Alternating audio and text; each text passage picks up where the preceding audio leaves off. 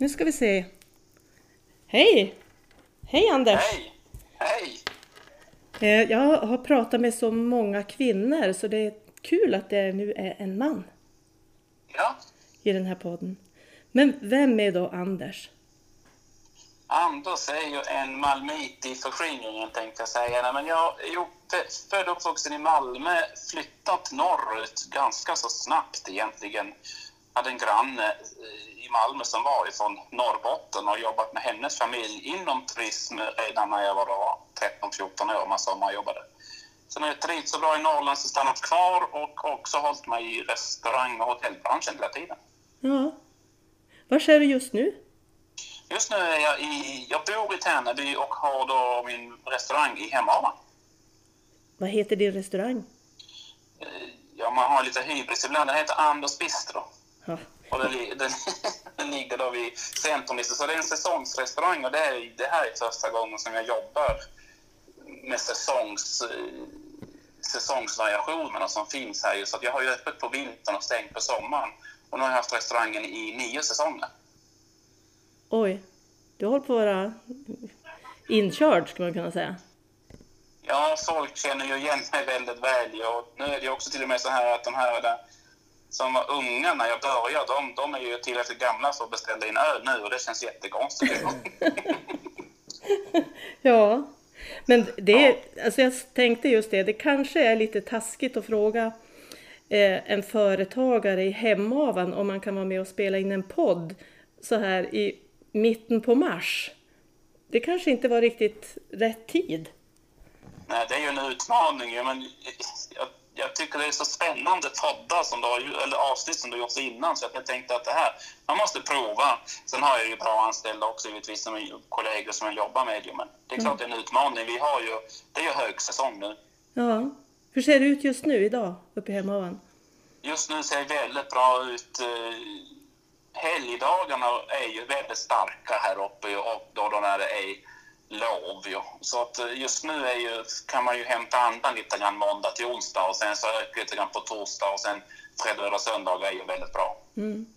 Det jag har märkt som bor efter 45 det är att trafiken som gick upp till fjället så där på fredagar tidigare, nu går den redan på torsdag och till och med redan onsdag eftermiddag. Ja. Ja, jag, jag ibland tänker så här, hur, hur jobbar folk egentligen? Ja, ja, den tanken har jag också tänkt. För att Jag, något... jag vet att några, det, det som märktes ganska tydligt ändå, ju, det är ju de åren när jag började här, då, då, då var ju det här med ledighet från skolan var ju mycket friare och sen så stramades det åt ju för en, var det fem, sex år sedan tror jag det var. Då märkte man ganska stor skillnad. Då blev det väldigt mycket mer på loven eh, och mycket mindre om de här andra veckorna. För innan det fanns det ju, fanns det ju familjer som tog ja, en, strö, en, en semesterdag eller två någon annan vecka och kom upp och hade ju väldigt bra åkning och väldigt bra service fick de ju. För att det var ju mindre folk då ju. Mm. Det, men det märker man inte nu. Men, men det, det behövs ändå som att vissa tar ju ändå ledigt på fredagarna och så åker de upp på torsdagen. Ja, för det är det jag tänker. Eh, känslan är ju att det har blivit större intresse för att besöka och turista i, i, i Västerbottens inland, i fjälldalarna. Men du som har varit nu då så länge och jobbat i nio år, se, vad ser du för trender? Ja, alltså... Nu, nu är vi ju så lyckligt lottade, om man ska säga så, i Hemavan. Där, därför att vi har ju... Vår närmsta stora stad är ju Mo i Rana och det är området där det bor 20-25 000 ju. Och, och eh, det har ju inte alla andra fjälldalar i, i Västerbottens, Västerbotten. De har ju oftast, där brukar ju vägen sluta. Så att eh, i Hemavan och Tärnaby tycker jag ändå, vi har ju mycket norska gäster och så har vi mycket gäster ifrån kustområdet och då tänker jag Skellefteå och Umeå givetvis men även Luleå Övik brukar också komma till oss i i mindre skala. Trenden som är ändå så här att folk eh, Ja, man, man semestrar, när det blir oroligt runt om i världen så semestrar man mer hemma i sitt eget land. Mm. Och det tycker jag också man har märkt de senaste åren egentligen här ju i, i, eh, i att vi har de kategorierna människor som väljer att semestra i Sverige istället för att åka utomlands. Mm. För det är det jag tänker, Hemavan är också väldigt unikt att man har, man har flygplats, liksom, man kan åka skidor från flygplatsen till liften ungefär. Ja. Det är inte längre. Eh, men det finns ju inte på särskilt många fjällorter. Det är ju, det är ju Hemavan. Ja, det är ju Hemavan, ja. Precis. Mm. Sen har vi ju då någonting som vi egentligen saknar, som vi har saknat länge här ju, som, som förmodligen inte kommer att bli någon verklighet heller ju, men som Jämtland har, det är ju tågtrafiken ju. Mm. Den, då, då, nu, nu kan man ju åka tåg, nattåg från Malmö till Storuman och så hämtar, man, hämtar vi upp dem i Storuman och, och eh, alltså det är ett paketerbjudande. För att det, det ser man ju också att eh, lite grann med flygskammen och, och, och eh, flygskatten och, och, och de här utmaningarna för de här där fly, små flygplatserna i Sverige kring det. Och så märker man också att folk vill resa på annat sätt och där, där har vi ju en, där har vi inte lika bra förutsättningar som Jämtland till exempel då. Nej. Vad gäller just tågdelen. Så vi har ju väldigt mycket trafik på väg. Mm. Och, och, och det, är ju, det, är ju, det är ju ett riskmoment också ju. Ja. Att, att, att det är så väldigt mycket trafik torsdag, fredag och söndag. Mm. Och det är ju som ett pärlband. Ja. Efter Jag tycker också utmaningen för oss i Hemavan här är ju att om vi ska ha en långsiktig hållbar turistisk produkt eh, och det, folk kommer ju hit för att det finns fjäll, riktiga fjäll, marknadsför vi oss om ju. Närhet till fjällen eh, och det här där då måste vi tänka hållbart. Att, ja, men hur, ska, hur mycket biltrafik ska vi ha i en sån här by där det bor där det bor 290 pers kanske i Hemavan och så 400, nästan 500 i, i Tärnaby. Men, men när det är högsäsong då har vi ju 15, 16, 17 000 människor här. Mm. Och det är ju en extrem påverkan på, på, på samhället eh, och naturen. Eh, där, där måste vi arbeta ännu hårdare kring, försöka få fler sådana här ski-in, ski-out-lägen så man slipper ta bilen till liftarna mm. och tillbaks till stugorna. Eh, det blir trafikstockningar och det blir parkeringsproblem och mycket sånt här. Mm. min syster är sån här skidälskare. Och de var, hon och hennes familj var i Alperna för något år sedan, några år sedan. Och där var det någon stad som var helt avstängd för biltrafik. Alltså det var, man fick åka till, till stadsgränsen och sen fick man åka kollektivt. Eh, just för att ja, det var så mycket folk där så det rymdes inte in några bil, bilar. Och det, det kanske är dit vi, vi kommer att hamna, att det blir parkeringar och så blir det kollektivtrafik. Ja, det, är ju inte, det är ju kanske inte helt orimligt att tänka så. Mm. Men då, utmaningen för många av de här turistorter, om man tänker sig Saxnäs, Klimpfjäll, Hemavan, Tärnaby, Ammarnäs. Det är, ju, det är ju den här där, periodvis extrema påverkan, att det kommer väldigt många människor och så, så behöver man ha som man ofta uppfattar som en kommunal service med lokaltrafik och sophantering och vatten och avlopp och sånt. Det ska ju funka. Mm. Och vi har ju inte råd att ha lokaltrafik i de här där orterna. Ju. Nej. Jag såg också, om det var på Instagram, eh, om det var från Hemavan, just sophanteringen, att ja, nu var det sportlov, nu var det liksom kaos i återvinningen. Ehm, och det, ja. det är ju ett bekymmer. Som inte och kanske... Har vi ju, och, och där pratar jag med många gäster liksom om sophanteringen. Det, det man oftast inte förstår som gäst är också att det är att det kommunala ansvaret är ju hushållssopor och sen så det här återvinningsstationerna, det, det är ju förpackningsindustrins ansvar. Mm. Eh, den, den, kopplingen ser man inte för man tycker att det är kommunens ansvar alltihopa ju. Och sen så förstår ju inte förpackningsindustrin som ofta sitter ganska långt ifrån oss turistorter som är i landsbygd och glesbygd. Ju. De förstår ju inte den problematiken att helt plötsligt är det 15 000 som nyttjar det här. Mm.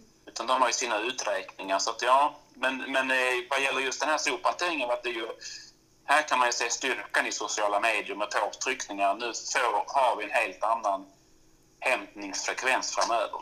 Mm, bra! För att man, är ju, man vill ju ha mycket sopor, man vill ha mycket människor, man vill att det ska vara högt tryck på anläggningarna. Eh, för det är ju det vi ska ja. leva utav. Och så vill vi att de sorterar ju. Och så Även vill- här uppe. Ja. Ja, precis. Men Ja. vad, vad är det du gör egentligen? Du säger att du driver Anders Bistro. Det är en restaurang. Ja. En restaurang med fransk inriktning. Jag, jag är ju som frankofil på något vis. Jag vet inte egentligen var det kommer ifrån, men jag gillar ju fransk mat och franska drycker och så här. Och, och sen när man ska driva också restauranger eller hotell eller, eller företag överhuvudtaget så behöver man ju ha en tydlighet vad det man gör. Och att köra fransk bistro, det förstår folk vad det, ungefär vad de kan förvänta sig. Mm. För, till exempel för maträtter och för drycker och, och, och, sådär. Ju.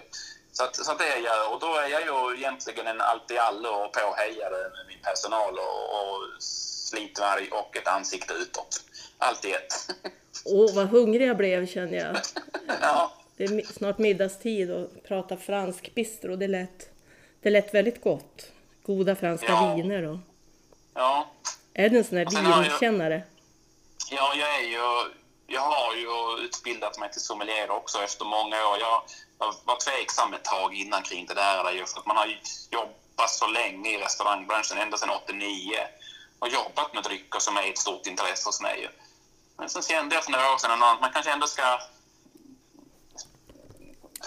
på riktigt fördjupa sig i det liksom på, med, med föreläsare och, och prov och pluggande och grejer så här. Och, Så då tog, jag, då tog jag den chansen och utbildade mig även teoretiskt i det där och praktiskt och examinera mig och det var jättesvårt ju och tufft men det var jätteskoj. Eh, och nu min hantering kring vad gäller vinerna hos mig det är ju, jag arbetar ju med det som man hantverksviner, alltså naturviner, alltså så lite påverkan som möjligt i vinframställningen. Mm. Du, när du pratar så återkom du till det här klimathänsyn och miljöhänsyn. Är det, är det Mm. viktigt för dig? det blir mer och mer viktigt. Det, det, jag har tre barn, jag har en samisk fru och i den samiska världen har ju det här med att man inte ska, man ska nyttja naturen men inte utnyttja den är ju, är ju ganska bärande i, åtminstone i den, i, i den gamla samiska kulturen kring rennäring och hur man har bott och hur man har flyttat sig och så här. Eh, och sen eh, med Greta Thunberg och mycket så här man börjar fundera kring lever vi på rätt sätt egentligen? Och sen, sen så är det ju lite ambivalent hos mig för jag jobbar ju i, i, en, i, en- i en turistindustri där, vi, där jag vill att det ska komma mycket människor hit och påverka både miljö och natur och resor och så här. Så, att det, så tänker jag så att man kanske kan göra någonting. Jag, jag, jag kan inte göra allt men jag kan göra någonting. Mm. Eh, och, och då har dryckerna blivit en sån sak till exempel. Till. Och sen så förstår jag om jag ska kunna driva det här företaget eller om Hemavan ska kunna vara den här attraktiva turistorten i hundra år till så behöver vi faktiskt fundera ganska skarpt kring de här frågorna. Men då nyfiken då tänker jag, men eh, du säger eh, just det här hänsynen till det lokala och jag tänker, har din franska bistro renkött på menyn? Nej, Nej, det, där är ju också, där är ju också lite jobbigt att tänka, men eh, ja, jag Mm. mår inte alltid bra över det för jag har ju, jag har ju inte lokala produkter så. Mm.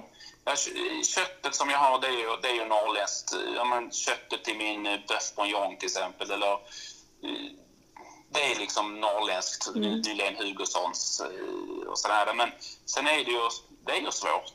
ja, jag tänkte det är inte så lätt att tänka in renkött i ett franskt kök. Nej. Nej, så det kan jag förstå. Men jag tänker också så här, ja men Hemavan det är ju en sån känd fjällort. Ehm, Du, du ser ju de andra fjällorterna också, men hur, hur tror du det kommer att se ut framåt? Alltså i hem... Jag var ju med när vi hade lite grann den här, den förra ekonomiska krisen som, som var ju för ja, 90-tal. tio år Mm.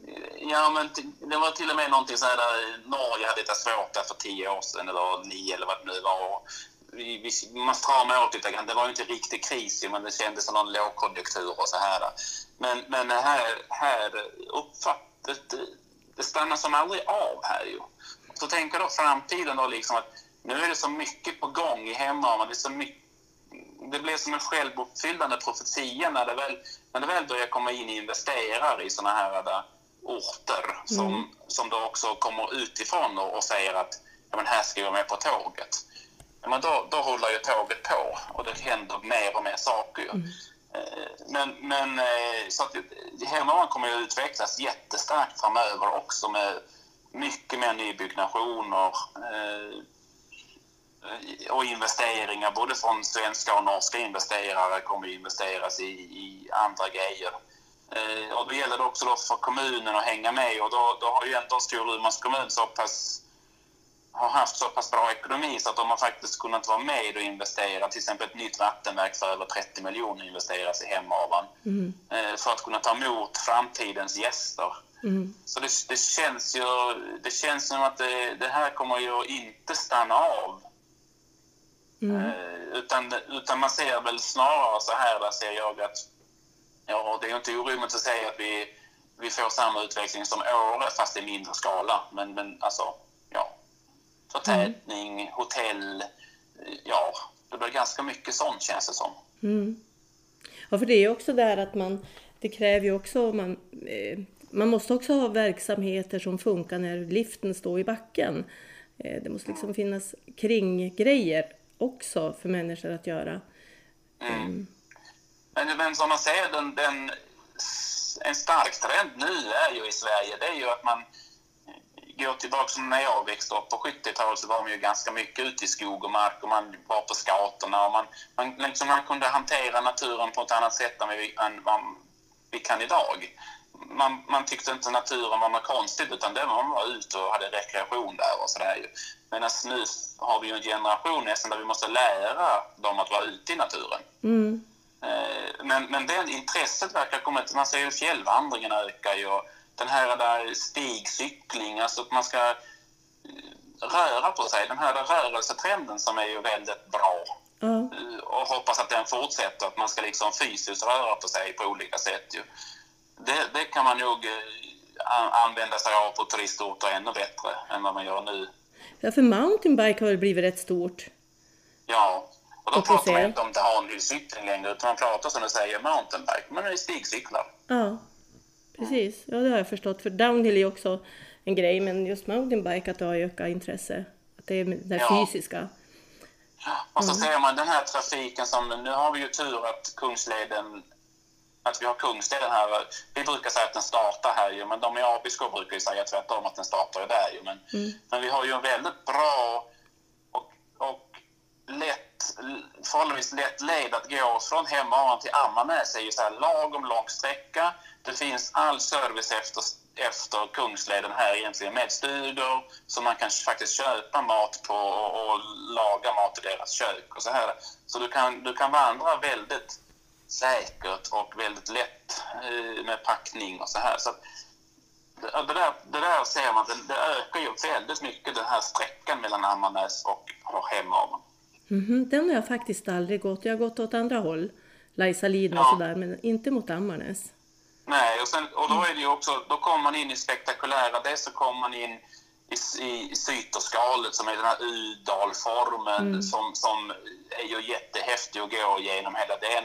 Sen ser man då Tärnasjön med björkskogarna och man går över de här spångarna och, och broarna. Sen kommer man in i lite mer högalpin terräng när man börjar närma sig Ammarnäs innan man kommer ner till Ammarnäs. Så det, man, man, man får uppleva väldigt mycket av en svensk fjällvärld, mm. fast på en kort sträcka. Ja. Jag har en eh. svärson som arrangerar, är med och arrangerar Gardfjällslunken som återuppstod ja. i fjol och den ska väl gå nu i sommar igen. Och det är också så här eh, uppleva naturen eh, som går där från mm. Slussfors över till Matsdal. Det är en annan, annan sträcka, en annan dal. Ja, det, precis. Men det finns just det här intresset som man ser att det finns ett... Vi har ju den här, Kungsleden-rännet som, som Andreje från Ammarnäs är med och dra, har dragit mm. i, där man, där man åker skidor parvis från Hemavan till Ammarnäs.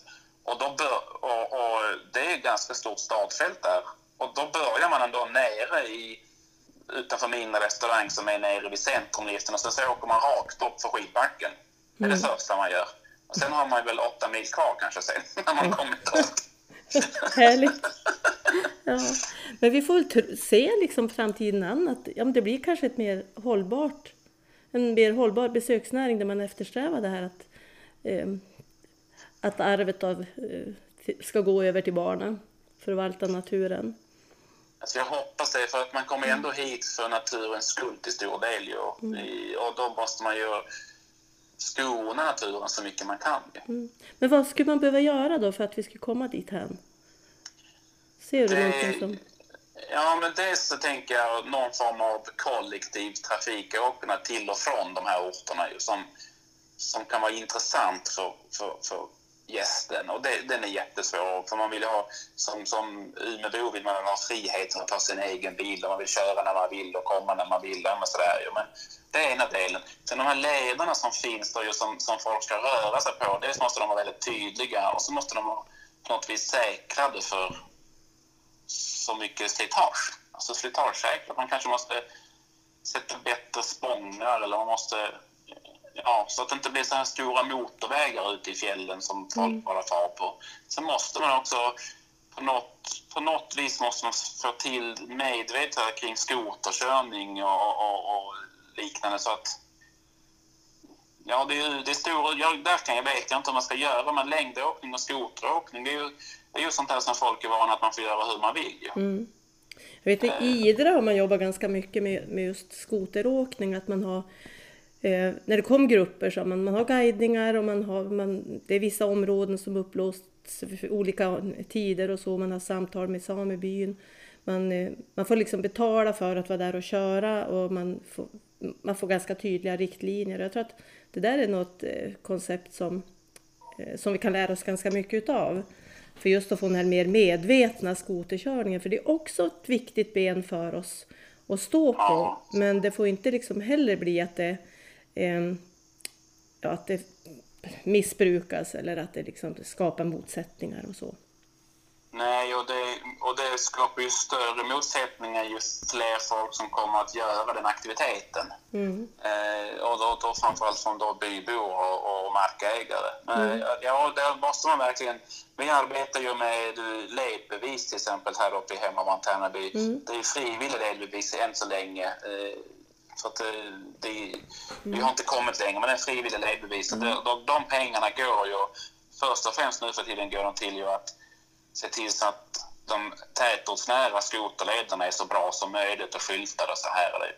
Men, men ja, det är, där, där ser jag också att man kanske behöver avlysa vissa områden för friåkning och vissa områden ska vara befriade från skoteråkning.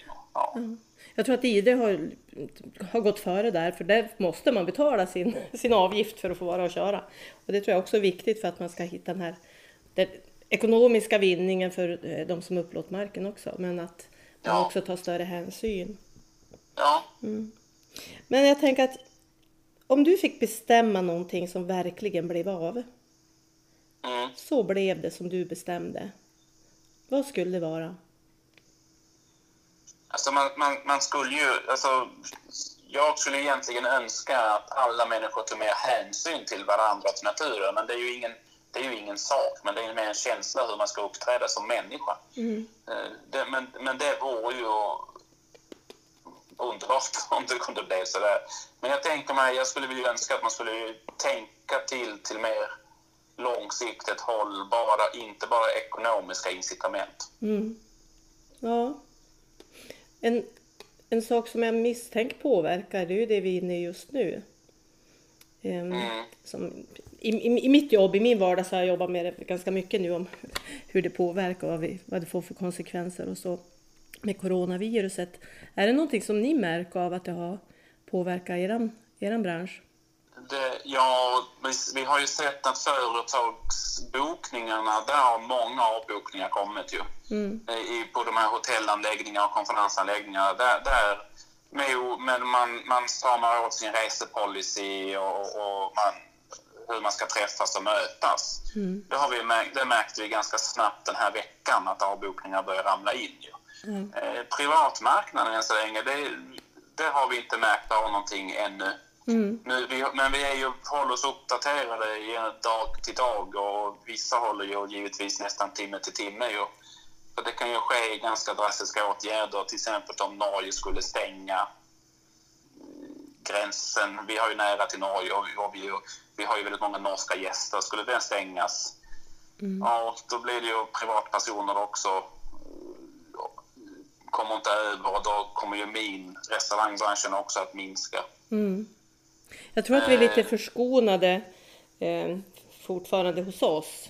Eh, vi, ja. Ja, ja, men överlag som inlandsbo så har man ju en frysbox och så är man inte lika hysterisk. Man tänker att ja, men då klarar jag att vara hemma två veckor utan problem. Det, ja. det är lite en annan mentalitet tror jag än vad det är Ja, och sen så är det vi nog... Vi, vi har pratat om det. Vi har haft till exempel så krögar, träffkrögar, möten hos krögare och så här. Ja, men vi håller lugnet. I vår bransch är vi ändå noga med hygienen i vanliga fall. Ja. Vi har ju regler kring hur vi ska hantera råvaror och liknande och vi ska tvätta oss ofta och sådär ju. Mm. Så att i vår bransch är det ju ingenting konstigt det som ska ske nu. Eh, men det, det, man måste ju försöka hålla ner så att det inte blir den här paniken i mm. samhället. Nej. Att man hamstrar i onödan eller att man, man, man inte... Att man hämmar sitt liv så pass mycket så att man inte ens går utanför dörren. Mm. Mm. För det är det jag tänker, att ja, det kanske kommer att öka fjällturismen utan att man, man tar sin bil och så ger man sig iväg. Eh, och så mm. eh, att det, man, man känner sig liksom, ja men här kan jag röra mig och bestämma över min egen space. Att det kanske kommer att öka till sommaren att eh, vi ser en ökning i, i fjälldalarna Ja, det tror jag. Det, jag, tror, jag hoppas nu den här vintersäsongen som, som nu är ju osäker hur det blir, men jag tror, kan tänka mig att flera har ju sin egen stuga ändå, så de, de kör i egen bil, de bor i sin egen stuga, de kan nog känna sig ganska trygga. Mm. Eh, liksom sådär. Så att jag har, och sen har man ju investerat väldigt mycket pengar. Ja. ja i, i bundet kapital i stuga eller lägenhet. Så, är ju, så att man kanske vill nyttja den då. Ju. Mm. Och sen precis som du säger, man kanske ännu mindre utlandsresor, utan man reser inom landets gränser. Mm. Om vi nu blir om den nu plattar ut den här där pandemin så, så blir det nog så. så kommer mm. nog sitta i. Så jag tror att Sverige kommer nog vara en vinnare i det här. Där. Ja, den inhemska turismen i Sverige. Ja, det tror jag. Däremot så tror jag nog att de här där resmålen man tänker sig Stockholm, Göteborg, alltså Vasamuseet som har väldigt mycket utländska gäster. Jabbarhus. Sån har nog större problem. Mm. Väldigt mycket större problem. Nöjesparker och liknande kan nog ha större problem. Men jag tror fjällen, här vi kommer få ett uppsving känns det som. Ja, min känsla också. Jag såg Klimpfjällsgården, de erbjöd nu take away-paket på middagar och så. Och det, ja. det kan ju en annan, en annan vinkling. Men... Ja, vi, vi, har ju, vi har ju till exempel den stora anläggningen Hemmamas högfesthotell. Eh, där blir det ju svårt att bedriva någon, någon afterski i större omfattning eller nattklubb ju, för att de, de tar ju in över tusen personer och det får de inte lov att göra. Mm. Så, att, så att där blir liksom som... På så vis kan det bli, blir det ju lite restriktioner kring det. Men det finns också då möjligheter som Klimträdgården då med mm. take away-middag till exempel. Ja. Mm. Man ska tro man ska säga lite, men jag tycker också vi fjällbor säger, jag kallar mig för fjällbo, jag har ju bott här uppe i 11 år ju. Vi fjällbor ser ju oftast möjligheter för vi bor ju perifert ju vi syns ju sällan och hörs inte alldeles så väl nationellt heller alltid ju och, och sådär. Men och då hittar man på möjligheter. Man ser Ammarnäs Livs till exempel, de som har den, Livs och Fix heter det ju, de fixar ja. ju allt möjligt ju. Ja, jo, jag såg det. Nej, det, det, det kom, vi kommer att ta oss igenom det här också. Ja. Vi får bara hitta nya lösningar. Men nu om de som lyssnar på det här nu blev jättenyfiken på Anders, vart får de tag på dig då? Då får de, de komma in till mig på min restaurang i Hemavan tänkte jag säga. Men annars så finns det ju på Facebook, anders.bistro eller Instagram. Mm.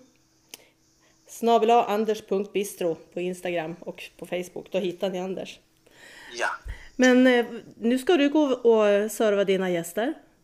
Jajamän. Vad har du i grytorna till middag idag? Eh, ikväll kommer vi köra special, eh, vi kör ju mullfritt, alltså musslor, oh. vitvinskokta musslor med pommes. Och sen har vi också en som heter tarte flambé. Det är ju en, man ska säga en alsacisk pizza. Alltså det är en pizza med crème fraîche, lök och bacon på. Så det är en sån pizza bianco heter det i Italien. Åh, vad gott! Åh, vad hungrig jag blev. ja. Ja men du Anders, då ska vi släppa iväg dig till grytorna och så tacka så hemskt mycket för den här, det här samtalet. Tack.